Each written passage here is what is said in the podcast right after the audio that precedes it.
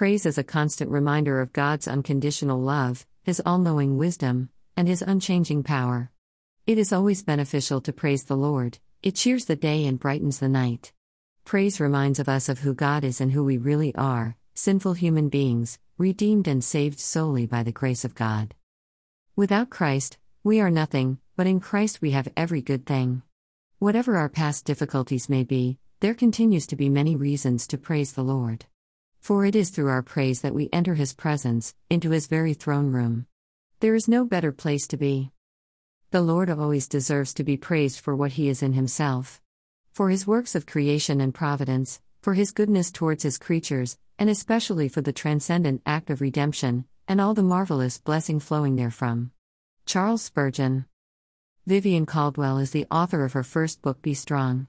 The Lord is always with you.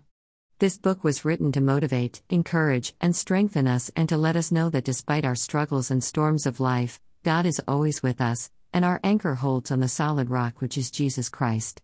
Her book is now available on Amazon and Barnes and Noble, so get your copy today.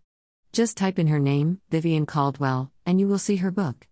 You can also subscribe for her podcast https colon slash slash anchor.fm slash Vivienne Caldwell slash subscribe.